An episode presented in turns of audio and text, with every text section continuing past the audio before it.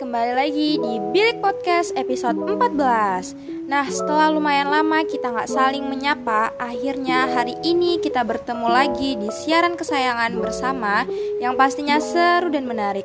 Untuk episode kali ini akan ditemani oleh aku Dea dan teman aku Nada.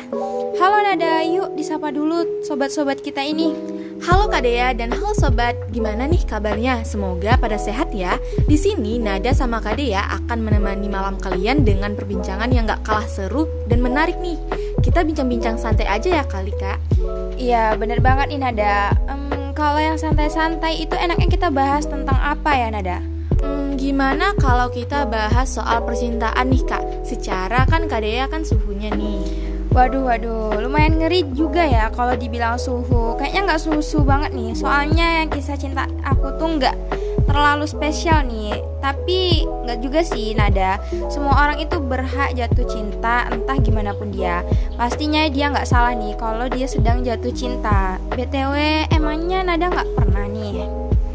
Hmm, kalau bahas masalah jatuh cinta, seperti yang Kak Dea bilang sebelumnya, semua orang kan berhak untuk jatuh cinta. Tentunya aku sebelumnya pernah jatuh cinta. Namun untuk saat sekarang ini kayaknya aku perlu jadi penonton setia kisah Kak Dea sama teman-teman yang lain aja deh. Hmm, gini nih Kak, gimana menurut Kakak tentang rasa bisa tahu kalau kita tuh ada rasa lebih sama orang lain? Kalau di ngom eh, kalau ngomongin tentang soal rasa lebih ke orang lain itu kurang tahu sih ya. Tapi menurut aku rasa itu bisa muncul begitu aja nih berawal dari kita rasa nyaman terus kita ngerasa sefrekuensi. Setiap hari itu kita ada ngerasa cocok. Bisa-bisa dari nyaman itu kita jadian. Berarti semua itu berawal dari rasa nyaman dan terbiasa gitu ya kak? Ya, benar banget Nada. Nah, Nada, berarti semua itu berasal dari rasa nyaman dan terbiasa gitu ya, Kak Deh? Iya, benar banget Nada. Saat Nada ngerasa nyaman sama seseorang, setiap hari itu pasti ada bahan obrolan, setiap hari chat, ada terus yang diobrolin, ngerasa sefrekuensi, ngerasa banyak punya kesamaan.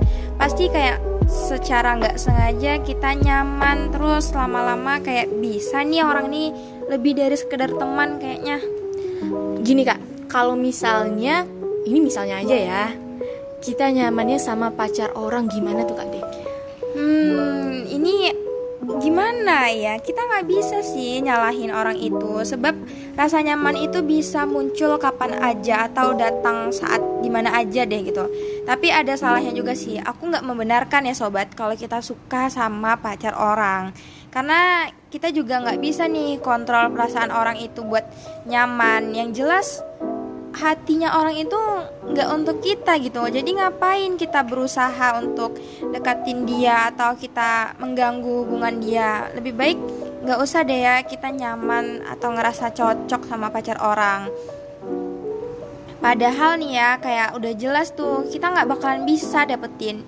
Bisa sih kalau keduanya itu sama-sama mau Tapi ya jahat banget ya sobat. Kita masa suka sama yang udah punya sih Lumayan jahat sih kak De Tapi ada benernya juga Kita nggak bisa nahan perasaan kita buat ngerasa nyaman sama orang lain. Yang kita bisa pada akhirnya itu cuman kayak Nahan-nahan biar nggak berlebih Nahan-nahan biar nggak kayak kita nanti punya keinginan untuk merebut.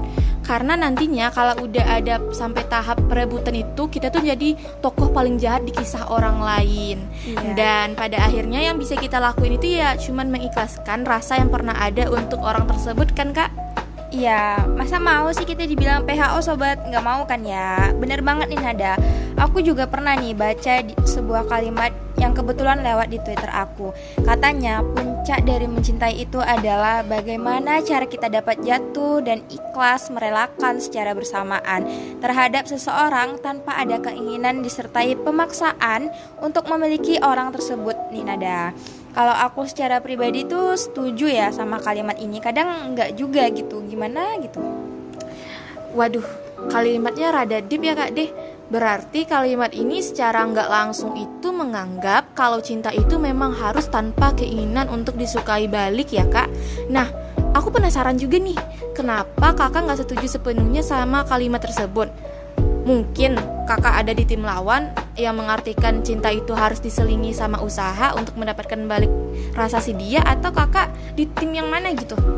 Aduh, aku kalau ngomongin soal tim ini kayaknya aku setuju sih sama hubungan cinta dan perjuangan karena menurut aku kalau kita udah cinta pasti kita pengen berjuang untuk dapetin kayak harusnya aku dapetin dia gitu.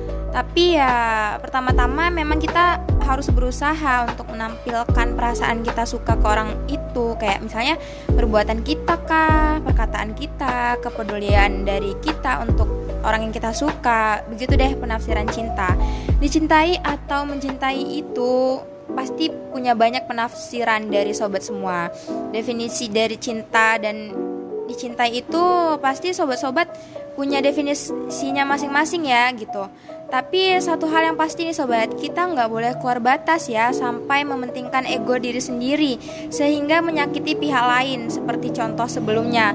Yang jatuh cinta sama pacar orang itu udah jelas salah ya sobat. Di kasus ini jelas kita secara sadar gitu bisa menyakiti perasaan si pacar itu. Iya, karena kalau sudah menyakiti orang lain itu, cinta kamu bisa dikatakan salah dan malah mengarah ke obsesi semata, Kak De. Bukan lagi perasaan tulus dari hati ke hati nih. Oh iya, saking ribetnya urusan percintaan masa sekarang, orang-orang bahkan sampai bikin yang namanya kamu cinta atau lebih simpelnya ada yang namanya love language yang jadi salah satu hal yang dinilai penting dalam dunia percintaan zaman sekarang nih sobat. BTW, Kak Dea bisa nih jelasin sedikit banyaknya mengenai love language itu apa? Aduh sobat, sebenarnya aku nggak begitu paham ya, tapi bisa lah ya. Untuk episode kali ini khusus buat sobat semua, aku dan Nada bakal jelasin nih love language, love, aku bakal jelasin nih love language gitu. Hmm, kalau nggak salah, love language itu di bahasa Indonesia kan disebut bahasa cinta ialah kayak cara-cara mengekspresikan cintanya yang berbeda-beda. Dan ini itu terbagi dalam lima kategori nih nada yang pertama ada word of affirmation. Bahasa cinta yang pertama ini itu bisa membuat sobat akan ngerasa dicintai jika sering mendengar kalimat-kalimat positif seperti pujian, apresiasi atau kalimat yang mengekspresikan rasa sayang. Contohnya itu kayak cantik deh pakai jilbab warna hitam atau ke cowok eh kamu ganteng banget deh pakai jaket yang ini gitu. Untuk yang kedua itu ada quality time nih sobat. Untuk quality time ini nggak cocok ya sobat buat sobat yang lagi LDR karena love language yang satu ini itu kita menghabiskan waktu bersama pasangan. Seperti uh, kita jalan atau kita nonton kayak kita menghabiskan waktu tanpa gadget saat pergi bersama pasangan kita nih sobat. Mungkin Nada bisa nih jelasin love language selanjutnya. Nah, untuk yang ketiga itu ada receiving gift nih sobat.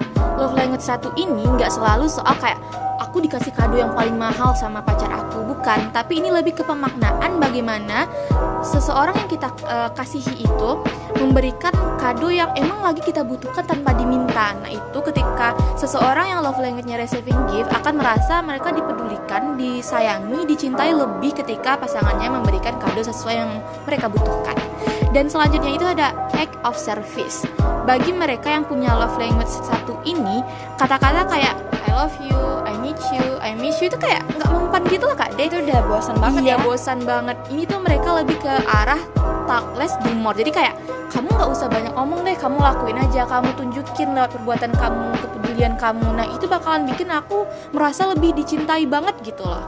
Nah biasanya kalau tentang uh, act of service ini yang lebih apa ya bikin kita kelepek-kelepek gitu nggak sih nada? Nggak cuman om do doang nih ya sobat. Iya yang kayak duh aku kayaknya disayangi banget deh dengan perlakuan dia gitu nah selanjutnya ada apa kak Oke, yang terakhir ini ada physical touch. Nah, yang terakhir itu bukan berarti sobat dengan pasangan melakukan hal-hal yang berbau negatif ya sobat, melainkan sebagai bentuk afeksi dari pasangan kepada diri kamu nih. Contohnya itu kayak dipeluk, misalnya saat kamu takut bisa kamu tuh dielus-elus kepalanya, ya yang kayak kayak gitu deh. Wah, Kak Dea penjelasannya rangkup banget ya. Emang bener nih Kak Dea ini suhu dalam percintaan. Kalau gitu, dapat diartikan love language ini sebagai satu hal yang dapat membantu seseorang untuk dapat menentukan, menemukan pasangan yang cocok untuk mencintai dan dicintai ya Kak De? Ya, nggak kerasa nih ada pembahasan kita terkait percintaan udah panjang kali lebar kali tinggi sampai bervolume nih dari tadi. Kita udah bahas tentang ketulusan cinta, keegoisan cinta, bahkan sampai bahas bahasa cinta nih sobat. Emang ya kalau kita udah bahas tentang cinta-cinta ini nggak cukup aja gitu waktunya, tapi semoga sampai pembahasan ini sobat semuanya bisa mendapatkan apa yang dijadikan pembelajaran untuk urusan percintaan sobat di masa yang akan datang ya. Buat sobat yang lagi sakit hati, buat sobat yang lagi baik-baik aja hubungannya, tetap pertahankan ya sobat. Kalau yang sakit hati udah deh move on, move on. Ayo ayo. Yaps, padahal mau bahas lebih dalam lagi kak Tapi takutnya malah bisa 24 jam ini episode kali ini Nah, untuk teman-teman semuanya yang merasa perbincangan kayak kita ini masih sempit dan belum terluaskan Tunggu lagi ya episode Bilik Podcast selanjutnya. Dan juga untuk sobat-sobat semuanya yang udah nyimak dari awal perbincangan kita ini Jangan lupa untuk kembali pada episode selanjutnya ya kak. Dan semoga sobat semuanya kami doain dalam keadaan sehat walafiat. Biar apa? Biar bisa gabung sama kami lagi dalam perbincangan selanjutnya. Iya benar ada Untuk sobat-sobat semuanya. Selamat mendengarkan episode Bilik Podcast yang santai-santai ini. Sekian dari kami berdua. See you ya sobat. See you